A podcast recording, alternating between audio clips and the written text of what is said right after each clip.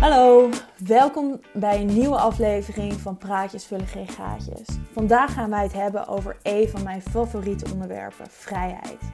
Want deze week hebben natuurlijk veel Nederlanders stilgestaan over hun eigen vrijheid en hebben ze misschien wel hun vrijheid gedefinieerd op een bepaalde manier. Want 75 jaar geleden is Nederland bevrijd. Voor iedereen is vrijheid natuurlijk anders en er bestaat niet één definitie van vrijheid. En sinds mensenheugenis wordt er al over gefilosofeerd. Wij willen in het bijzonder kijken naar één politieke filosoof. En dat is Isaiah Berlin. En hij definieert positieve en negatieve vrijheid. Want wat gebeurt er als zomaar je vrijheid wordt afgepakt? En vooral tijdens coronatijd. En hoe lang houden we de beperking in onze vrijheid vol?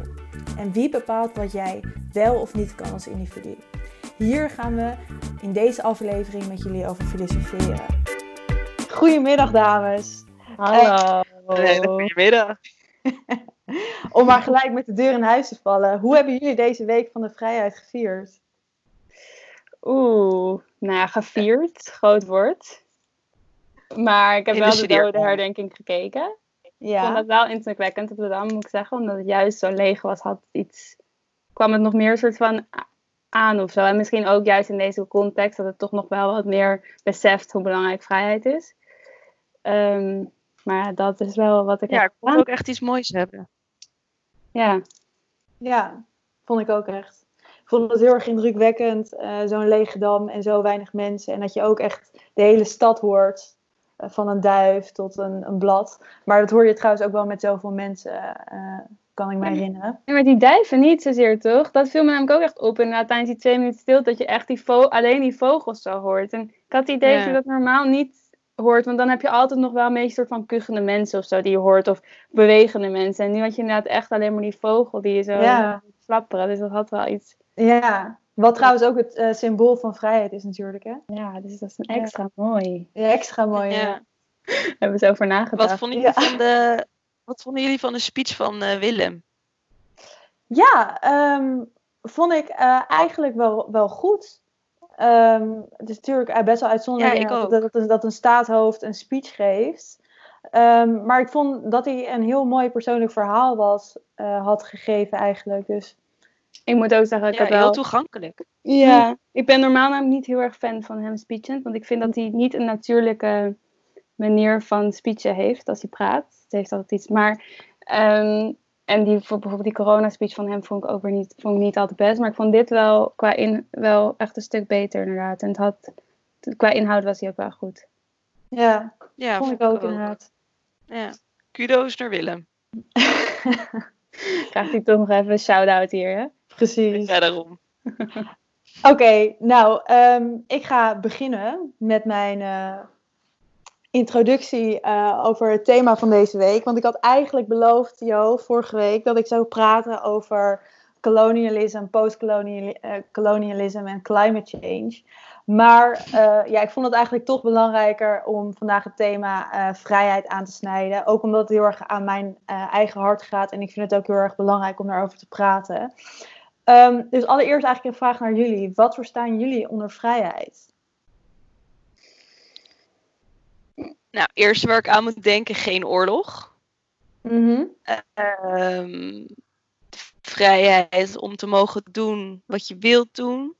Eh, ja, dan denk je toch heel vaak aan een constitutie van een land. En eh, waarin onze vrijheden ook ja, staan geschreven. Ja, ik denk dat het heel erg aan de context ligt. Want misschien inderdaad deze week denk je dan eerder aan oorlog, omdat het, dat is wat we hebben herdacht.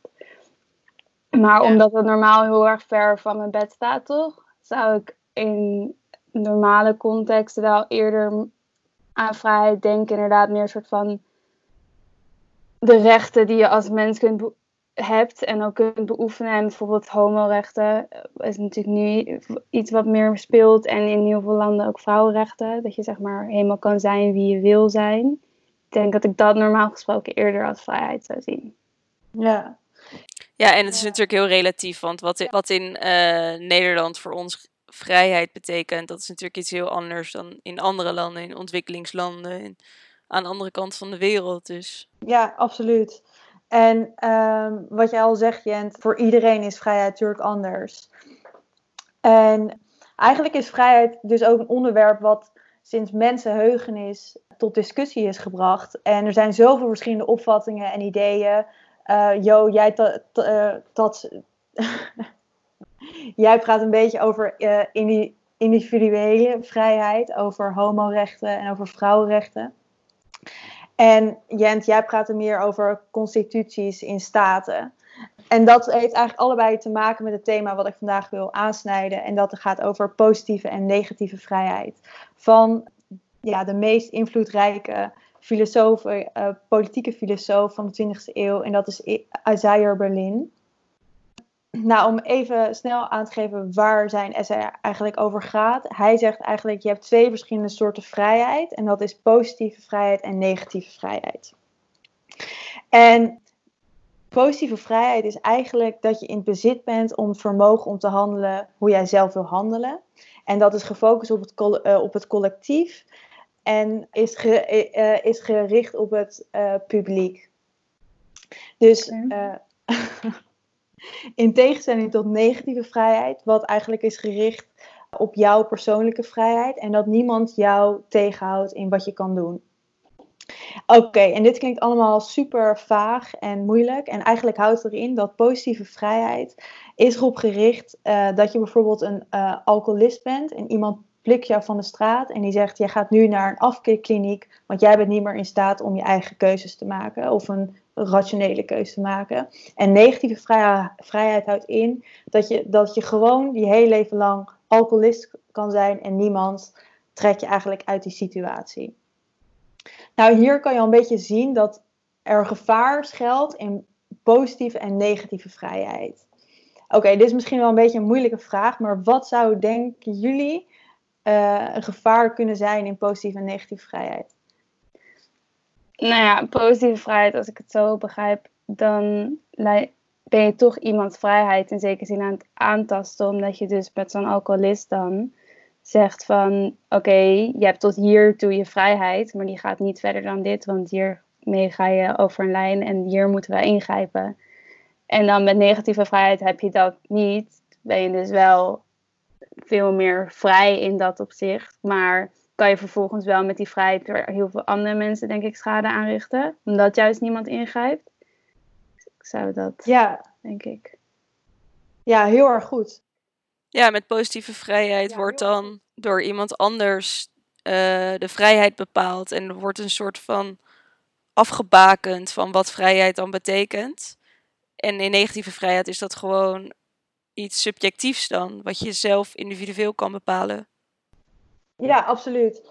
Um, positieve vrijheid kan je ook uh, zien als het belangrijkste voor het collectief. Dus alles voor het collectief in plaats van het individu. En negatieve vrijheid gaat veel meer uit van het individu.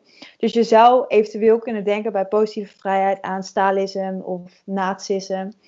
Uh, omdat dat heel erg veel meer uitgaat voor uh, voor het collectief.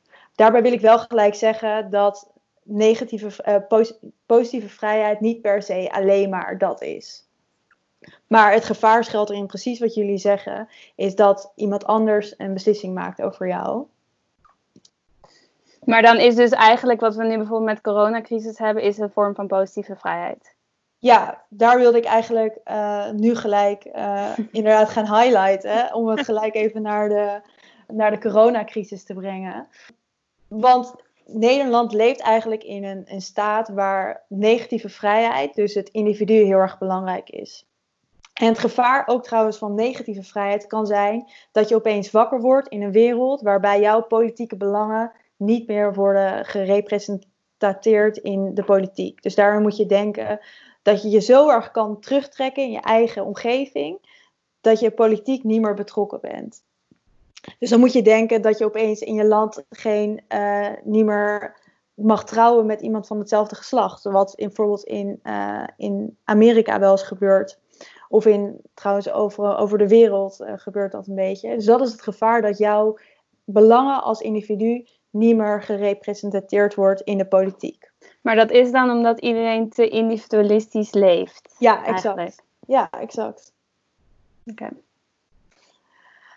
Dan naar de coronacrisis. Want ehm, ik vond eigenlijk een heel erg mooi uh, voorbeeld. Stel je voor, je bent, ja, uh, kijkt het nieuws totaal niet. Dus je wordt op een dag wakker en je neemt de trein.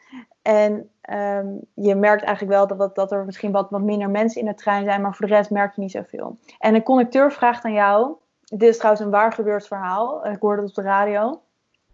Uh, de conducteur vraagt aan jou van waar ga je naartoe? En in dit geval was het een meisje en die zei van ja, ik ben in de trein voor de liefde. En toen zei de conducteur, oké, dat is dus geen goede reden uh, om te mogen reizen. Dus de conducteur en eigenlijk daarmee de Nederlandse staat beslist uh, wat je wel en niet mag. En nu snap ik wel dat we natuurlijk in een pandemic leven en dat het andere tijden zijn. Maar wat denken jullie daarvan? Uh, in hoeverre mag de staat een keuze maken over zoiets persoonlijks als liefde? Terwijl het nu ook alleen maar gaat om naar iemand toe gaan. Waar, waar ligt laat maar die grens? Wat vinden jullie daarvan? Ja, ik vind die lastig. Want in zekere zin is het natuurlijk, ik, ik snap, zo, zeg maar, deze hele coronacrisis, wat ik, waar we het ook al eerder over hebben gehad, is heel erg van jouw keuze. Je maakt inderdaad niet meer alleen maar keuzes als individu, maar al je keuzes hebben ook invloed op anderen. Dus je moet veel meer rekening mee houden met van oké, heb ik het inderdaad echt, is het echt nodig dat ik nu naar buiten ga? Of is het echt nodig dat ik met de trein ga? Dus, en, dat, dat is, en wat dan echt nodig is, heeft natuurlijk iedereen een ander idee over. En in zekere zin is liefde is natuurlijk iets heel erg, is puur uiteindelijk in je eigen belang. Want je gaat dan, zeg maar, niemand, nou, dat misschien kan je ook nog bevragen trouwens, maar over het algemeen hebben, is dat vooral voor haarzelf en voor hem. En hebben de andere mensen daar minder soort van profijt van dat zij verliefd op elkaar zijn en elkaar zien. Maar ja, ik vind het wel, ik merk ook, aan mezelf dat ik er wel moeite mee heb dat we voor elkaar bepalen wat belangrijk is. En dat iedereen daar ook zo'n ander idee over heeft. En ook, zeg maar, aan de ene kant denk ik dus van, ik snap wel dat die conducteur dat zegt, maar als ik het verhaal hoor, denk ik ook weer van, hè, dat klopt ook niet. Het is ook raar dat zij niet naar haar vriend of vriendin of wat dan ook mag. Dus ik vind dat wel echt een moeilijke. Ik, ja. Ik zou het eigenlijk niet goed weten wat ik, of ik dan vind dat dat mag of niet. Ja. Ja, ik vond het in het begin vooral um, heel bijzonder dat wij meteen zo goed luisterden eigenlijk naar wat de overheid tegen ons zei van oké, nou wij willen de crisis, samen kunnen we de coronacrisis aan. En dit is het pakket maatregelen waar iedereen zich aan moet houden. En ook elke keer benoemen van, nou, heel goed gedaan, jongens. Uh, lekker binnengebleven dit weekend, ga zo door. En dat is toch eigenlijk wel bizar dat wij daar eigenlijk gewoon naar luisteren. Terwijl het inderdaad eh, echt een beperking is van onze vrijheid. Maar we accepteren dat op dat moment dan wel. Omdat we, we doen het voor het grotere goed. Soort van, we gaan hier, dit is de enige manier om weer straks verder te kunnen. Dus we moeten dit doen. Maar het is wel grappig hoe niemand daar eigenlijk in principe tegen ingaat. Ja, natuurlijk later wel, vooral voor economische redenen. Wat ik ook merk bijvoorbeeld bij mijn vader, die op de markt staat uh, met dameskleding. Dus ze hebben op de markt een heel erg onderscheid gemaakt tussen food en non-food. En dat food een uh, primaire levensbehoeftes is, dus die mogen dus wel verkopen. Maar ja, dat is nu want er was toen een discussie van, ja, misschien hebben we voedseltekort of zo. Nou, dat was al heel snel al niet meer het geval, maar alsnog mocht hij niet op de markt staan. Nou ja, als ZZP'er krijg je dus dan ook geen inkomen. Dus ik merkte ook, vooral in het begin was het inderdaad van, nou oké, dit is de maatregelen die we moeten nemen. En die vrijheid wordt beperkt, maar dat accepteer ik. Maar op een gegeven moment gaat het economisch gezien zoveel kosten voor jezelf. Dat hij er op een gegeven moment ook wel tegen is gegaan bij de gemeente. En is gaan kijken naar oplossingen. En helaas is, zijn die er nog niet. Maar um, ja, ik denk dat, het, dat wij daar best wel in het begin goed mee omgingen. En dat je dan door economische redenen ziet dat dat voor ons steeds moeilijker wordt. Ja. Nou, en ik denk wat misschien ook een verschil maakt, is dat in het sowieso maakt het natuurlijk uit dat wij nu inderdaad langer al binnen zitten en op een gegeven moment word je ook wat lakser. Maar ook dat nu, merk ik heel erg in het begin, was natuurlijk alles gaat dicht. Iedereen een soort van gelijk daarin. Iedereen moet thuis blijven. En nu, naarmate er versoepelingen komen, komen er verschillen. Dus je hebt nu eerst de basisschool, dan moeten opeens de leraren naar werk. En mijn moeder werkt in het bestuur van basisscholen en zij had gewoon een hele school met kleuterjuffen die niet naar school wilden komen. geen les wilden geven, omdat zij het gevoel hadden dat zij dan disproportioneel, zeg maar, blootgesteld zouden worden aan het virus dan anderen. Dus dan ga je heel erg met elkaar vergelijken en nu ook met die nieuwe maatregelen weer, dan mogen een paar dingen wel open, een paar dingen niet. Bijvoorbeeld sportscholen mogen nog lang niet open. Nu zijn, ze daar, zijn sportscholen daar weer heel erg boos om. Dus je hebt ook een... En daar wordt het denk ik dan nu heel moeilijk, omdat je een staat hebt die voor je, ons als samenleving gaat bepalen wat is belangrijk, wat niet. Wat mag wel open, wat niet. Wie mogen er wel werken, wie niet. En nu krijg je dus wel veel meer frictie, omdat mensen het gevoel hebben dat dat niet gerechtvaardigd is. Ja, ja, dan krijg je hele specifieke dingen van, oh ja, hier kan het wel en hier kan het niet. Bijvoorbeeld met sporten van, ja, voetbal kan niet en hockey, dat is een teamsport. Maar dan zou ik zeggen, als tennisser, van, ja, hoezo zijn de tennisbanen niet open? Want dan kan je prima afstand houden. Maar ja, dat is natuurlijk super moeilijk om vanaf bovenaf deze hele specifieke cases dan zo te gaan beslissen natuurlijk. Ja, ja absoluut. En ik denk ook wel echt dat, dat er nu echt een heel erg groot verschil uh, komt, wat jullie allebei ook zeggen, in die uh, individuen. Dus het ene individu, laten we zeggen het individu van uh, restaurants, ik noem dat even zo, om dat makkelijker uit te leggen. Daar zitten restricties aan en sportscholen, daarbij duurt het nog langer tot en met september. Dus daarmee wil ik eigenlijk zeggen dat iedereen anders wordt behandeld op een bepaalde hoogte. En dat dat voor ongelijke gezichten zorgt. Waarbij je dus meer het gevoel hebt dat jouw vrijheid wordt inge in, inbeperkt. Of ingeperkt. Of beperkt eigenlijk. En dat is eigenlijk moeilijker voor mensen om dat eigenlijk een beetje te begrijpen. En daarmee ook iets van hun privé eigenlijk op te geven. Zo denk ik er in ieder geval over. Ja. Maar doet, doet deze filosoof ook uit, ik ben even zijn naam vergeten, maar die ook uitspraak over wel, ja, welke vorm van vrijheid dan beter is? Ja, um, eigenlijk is dat wel interessant, uh, omdat ik eigenlijk zei van bij het begin bij positieve vrijheid dat je dat ook zou kunnen vergelijken met totale regimes. In zijn extreme natuurlijk.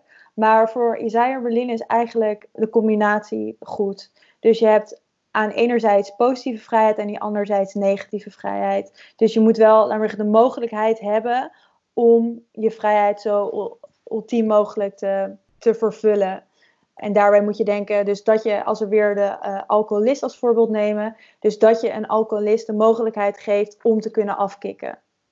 Ja. Dus dat je enerzijds de keuze hebt en anderzijds ook niet. En als je het niet wil doen, dan is dat ook prima, maar dan is dat je eigen keuze geweest. Je hebt de eigen keuze om zoveel mogelijk fouten te maken. En wat hij eigenlijk daarmee, uh, wat hij ook graag wil, is dat je zoveel mogelijk verschillende keuzes hebt in het leven. Dus of je nou een orthodoxe Jood bent of een feminist in Finland. Alle mogelijkheden. alle, ja, ik zeg maar wat heel random. Nee, ik ben heel benieuwd wat je nu gaat zeggen. ja, ik, ik wou zeggen, alle mogelijkheden van vrijheid, uh, die moeten er zijn. Dus maar dat geldt ook voor uh, bijvoorbeeld uh, abortus of het stemmen op een populistische partij of wat dan ook. Elke optie is eigenlijk, uh, moet open zijn. Maar ik denk dat het wel belangrijk is als je gaat kijken naar wie bepaalt dan voor die positieve, ja, positieve vrijheid, wie gaat dan bepalen wat onze vrijheid is.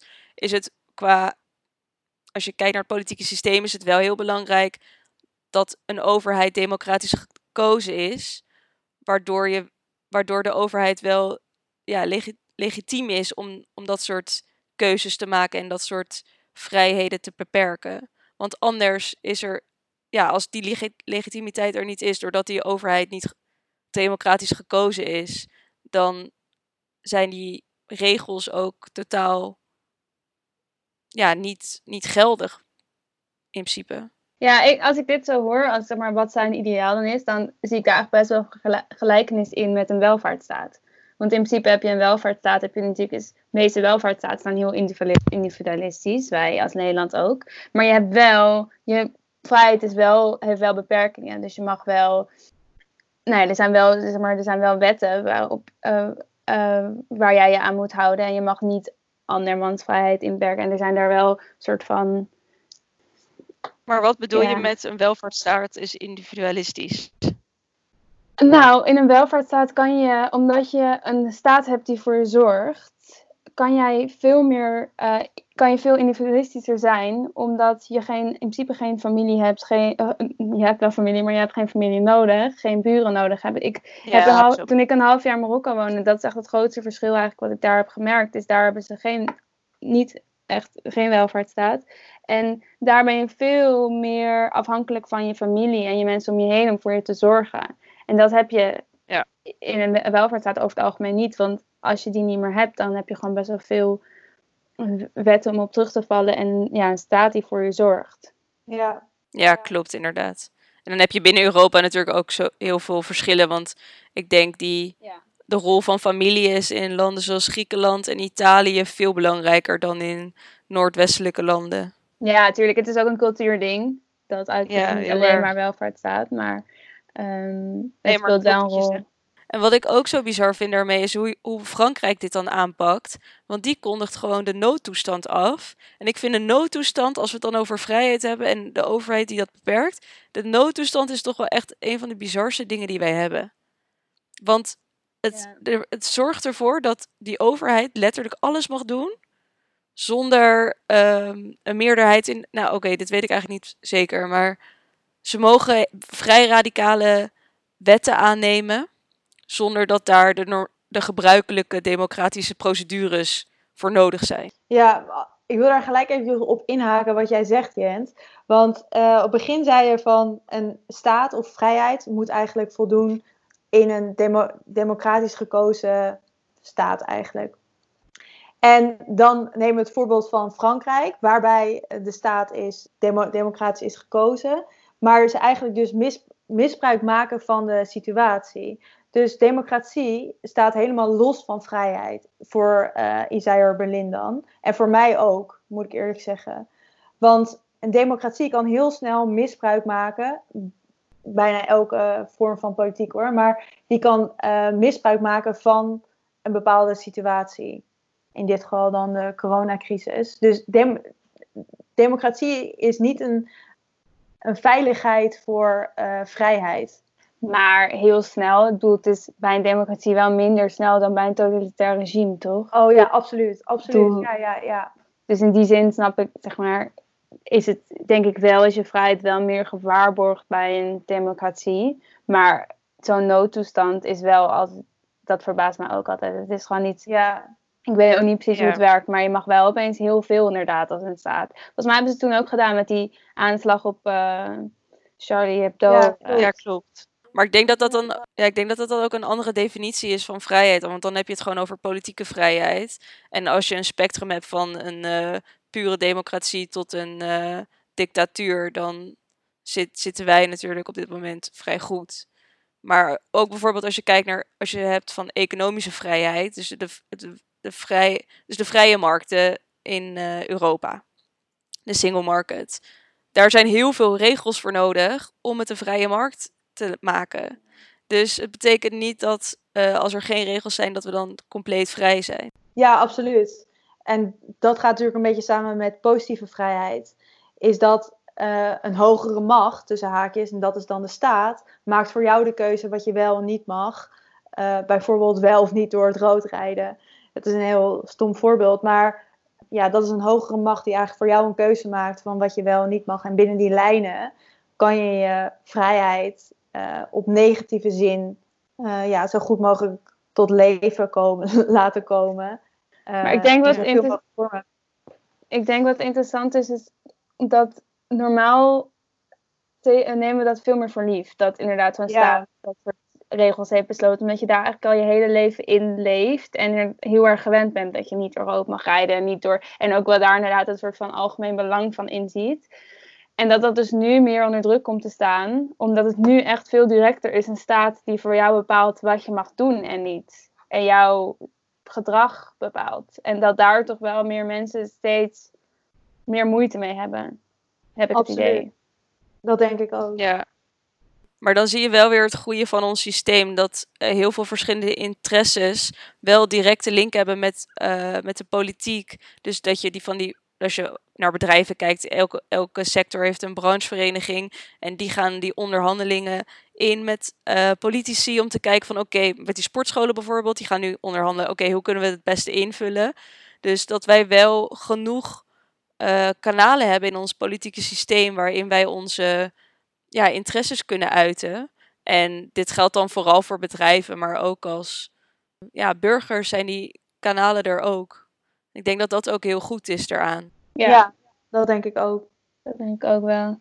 Maar ik, ik moet nu denken aan dat ik bijvoorbeeld eh, dat ik vandaag zo'n foto zag van dat er nu dus 300, 3, 300, 3 miljard naar uh, uh, KLM gaat en 300 miljoen naar de hele kunstsector is gegaan. En dat zijn dus wel van die dingen waarvan ik denk, ja, als ik zelf een keuze had gemaakt, had ik dat niet gemaakt. Want ik vind persoonlijk de kunstsector wel echt belangrijk. En vooral het verschil is zo groot. Um, en dat is wel nu best wel een uh, bepalende keuze die dan een staat voor jou maakt. Ook gewoon uit, heel erg uit commercieel belang. Waar ik het dan, en waar al helemaal mensen die in de kunstsector werken natuurlijk het niet mee eens zijn en zich ook heel erg tekort gedaan voelen, wat ik ook heel erg goed snap. Ja. En ik denk dus daarin dat er wel, ook al zijn er belangenorganisaties en ook al mogen en is de regering werkt daar wel echt mee samen en luistert daar wel naar, zit daar wel een bepaalde bias in denk ik. En ook natuurlijk weer politieke voorkeur. Waardoor er wel naar de een veel beter geluisterd wordt dan naar de ander. Ja, absoluut. Ik denk echt dat je een heel erg goed punt hebt hier. En uh, ik denk dat Berlin hierop zou zeggen van je moet je stem laten horen om tegengas te geven, zodat jouw stem ook gehoord wordt in de toekomst. Want uiteindelijk, wat jij precies wat jij zegt, maakt iemand anders een keuze voor jou. Um, Waar je eigenlijk niet echt iets tegen kan doen. Het enige wat je kan doen is een tegengeluid laten horen. Om zo je vrijheid ja. Ehm, ja, zo goed mogelijk te waarborgen. Het moeilijke in het Nederlandse systeem is natuurlijk dat wij altijd coalities hebben van verschillende partijen die het met elkaar eens moeten zijn. Dus daardoor krijg je eigenlijk dat veel stemmers van die coalitiepartijen het altijd eigenlijk oneens zijn met beslissingen die er worden gemaakt, omdat het voor niemand eigenlijk zijn eigen standpunt is. En dat is ook wel het moeilijke daarvan, denk ik. Ja, absoluut. Ja. Um, tot slot wil ik nog even een laatste dingetje met jullie bespreken. Uh, en dat gaat even over uh, de app of uh, de data die de overheid nu van ons in handen gaat krijgen. Want we leven natuurlijk in het idee dat we in een privéleven leven. Dus dat we weinig te maken hebben met de buitenwereld. Dat we dus echt een individu zijn. En als de overheid dan onze gegevens krijgt, dat ze daar goed mee omgaan. Of dat ze er in ieder geval geen misbruik van maken. In ieder geval die perceptie hebben wij. Of laat ik zeggen, heb ik zelf. Um, maar ik begin daar toch wel steeds meer vraagtekens bij te zetten. Van is dat wel echt zo? En moeten we daar niet veel voorzichtiger mee omgaan? Met zoveel informatie verstrekken aan de overheid als ze zo makkelijk een noodtoestand kunnen oproepen, om maar even de thema's van dit gesprek eruit te halen, uh, beslissingen voor ons nemen zonder daar echt toestemming voor te vragen. En misschien ook wel in een vervolgd uh, pandemic, dat, ja, dat er beslissingen worden genomen zonder onze input daarin. Wat denken jullie daarover? Ik denk dat uh, ik, ik denk dat een beetje dat deze app zo ter discussie staat, is eigenlijk interessant. Want wat deze app gaat doen, welke er ook gekozen wordt, is eigenlijk wat er dagelijks met onze data wordt gebeurd. Dus het is in die zin helemaal niet nieuw. Google heeft evenveel, misschien wel meer data van ons, waar we elke dag toestemming aan geven. En het is meer dat dat nu weer zo ter, dus zeg maar zo opeens je voor de keuze staat of je dat wel of niet wil dat mensen er opeens kritiek op gaan hebben en dat gaan bevragen. Wat denk ik echt niet verkeerd is. Het is goed dat mensen dat doen en zich er bewust van worden. Want ik denk dat dingen met Google zijn mensen vaak te onbewust van dat er zoveel mee gebeurt. Maar het is wel interessant dat op het moment dat dus opeens die vrijheid echt ter discussie staat en dat je de keuze erover moet maken, bewust, dat mensen dan opeens dat die vrijheid niet willen opgeven terwijl ze dat eigenlijk elke dag doen maar desan, desalniettemin denk ik wel dat het heel belangrijk is dat, dat de over, overheid daar heel zorgvuldig mee omgaat. En ik krijg de indruk dat het tot nu toe allemaal wel echt een beetje te snel is gegaan. En, nou, dat, en al helemaal omdat het overheid is en niet zomaar een organisatie zoals Google, dat ze daar wel extra voorzichtig mee moet zijn, moeten zijn, omdat het, ja, het gaat wel om de overheid. die niet zomaar, die als zij allemaal data, onze data voor, van allerlei zouden gebruiken, zou je wel echt heel snel al je vertrouwen in het systeem verliezen. Ja, ik denk dat het wel een beetje hetzelfde effect heeft als de reden waarom wij in het begin nu zo makkelijk accepteren dat de overheid maatregelen in heeft gevoerd, is denk ik ook dezelfde reden waarom we zouden accepteren dat zo'n app zou werken, omdat het voor onze gezondheid zou werken. Dus ik denk dat ze heel duidelijk moeten uitleggen: oké, deze gegevens gaan wij, kunnen wij van jou krijgen door deze app en dit gaan we ermee doen. Um, ja, als jij geen uh, digitale expert bent, dan moet je dat misschien maar voor lief nemen. Omdat je dat natuurlijk nooit zelf echt kan checken. En dat is het hele moeilijke daaraan. Maar ik denk dat mensen het eerder zouden accepteren als het heel duidelijk wordt gegeven: oké, deze data gebruiken we van je voor dit doel. Maar inderdaad, wat je zegt is ook wel waar. Dat heel veel mensen zich ook niet realiseren wat wij inderdaad allemaal weggeven op Google. En dat mensen dan, als je dat dan vertelt, uh, dat mensen dan vaak reageren van, oh ja, maar ik heb niks te verbergen hoor. Ik denk van ja, maar, dat heb, maar je hebt geen idee wat er allemaal mee kan gebeuren. En dat is het gevaarlijke ook. En bedoel, je kan mensen dat ook niet kwalijk nemen, want ja, voor elke site moet je cookies accepteren. Voor elk ding wat je koopt, accepteer, moet je voorwaarden accepteren. En ja, wie heeft tijd om die 20 pagina's te gaan lezen? Dat doe je niet. Nee, het wordt, ook niet, het wordt je ook echt niet makkelijk gemaakt. En nee, dus je hebt geen idee. Nee, en in zekere zin is het natuurlijk in deze situatie misschien ligt het ook weer wat anders, omdat het ook een beetje kiezen is tussen twee vrijheden eigenlijk. Omdat je aan de ene kant wil je dus, zou deze app betekenen dat je weer meer mag, omdat ze dan dat contactonderzoek kunnen uitbreiden en daardoor dus ook weer wat meer flexibiliteit kunnen geven. Dus het is eigenlijk kiezen tussen of wil je meer mogen qua naar buiten gaan, maar dan moet je wel een deel van je data inleveren. Of wil je dat niet, maar dan moet je binnen blijven. Dus dat is ook wel echt een lastige keuze. En voor mij is dan, denk ik, toch dat naar buiten gaan belangrijk. Maar dat komt ook omdat dat heel concreet is. Zeg maar, ik weet hoe het is om naar buiten te gaan en ik wil dat. Terwijl ik weet niet precies wat er met mijn data gebeurt en ik snap dat ook niet helemaal. Dus dan zou ik toch eerder kiezen voor die vrijheid die ik wel snap. Maar of dat een goede keuze is, dat weet ik ook niet. Ja, ja. ja nee, dat, dat is ook zo. Ik vind het een heel erg interessante discussie sowieso. En heel erg leuk om jullie mening hierover te horen. Wat vind jij, Kato? Nou, kijk, uh, ik zat al even mee te schrijven. Um, ik ben het eens ook met, jullie punt over uh, Google en Facebook en dat soort organisaties die al heel veel van onze data hebben. Maar het fundamentele verschil in vergelijking met uh, Isaiah Berlin is dan, is dat um, je geeft het, de macht aan de overheid om beslissingen over jou te maken. En Google en Facebook maakt geen beslissing over jou. Kijk, ze kunnen je wel een klein beetje sturen met dat data uh, analytica, waarbij ze je uh, keuze op politieke partijen kunnen sturen of dat je bepaalde producten kan kopen. Maar ze forcen je niet om bepaalde beslissingen te nemen. Um, of worden beslissingen voor jou genomen. Wat de overheid ja, wel. Ik vind, dat je, ik vind dat vrij uh, erg eigenlijk. Ik bedoel, dat zij kunnen bepalen hoe, van, dat zij kunnen zien van, oh jij bent waarschijnlijk een persoon die net tussen rechts en links in zit. Dus wij gaan nu uh, vrij rechtse advertenties op jouw Facebook zetten, zodat jij voor rechts gaat kiezen. Ja, klopt. Maar dat, is, wel uiteindelijk nog het sturen van een bepaalde. Wel echt bizar. Tuurlijk. Ja, maar dat heeft echt bizar veel impact, toch? Daar moet je niet te licht over doen, denk ik. Nee, daar, daar doe ik ook helemaal niet te, te licht over. Um, het enige verschil wat ik daarmee wil geven is dat zij niet een directe beslissing over jou kunnen nemen, terwijl de overheid dat wel kan. Die kan tegen jou zeggen: Oké, je bent lesbisch, je moet in een gevangenis zitten. Of je hebt iets in die richting gedaan. En dat kunnen die organisaties nog niet. Hè? En ik sluit niet uit dat dat in de toekomst wel kan gebeuren. Hè? Ze zo machtig worden. En wat ze nu al doen met uh, het sturen van politieke georiënteerde ideeën, et cetera. Dat is echt afschuwelijk en dat is heel erg. En mensen moeten zich daar heel erg van bewust zijn dat dat al gebeurt. Ja, maar ik denk dat daar het verschil dus in ligt van wat die bedrijven doen met jouw data. Dat is heel erg onbewust en dat maakt het uh, ja, vrij ernstig omdat je zelf niet doorhebt wat voor invloed het op jou heeft.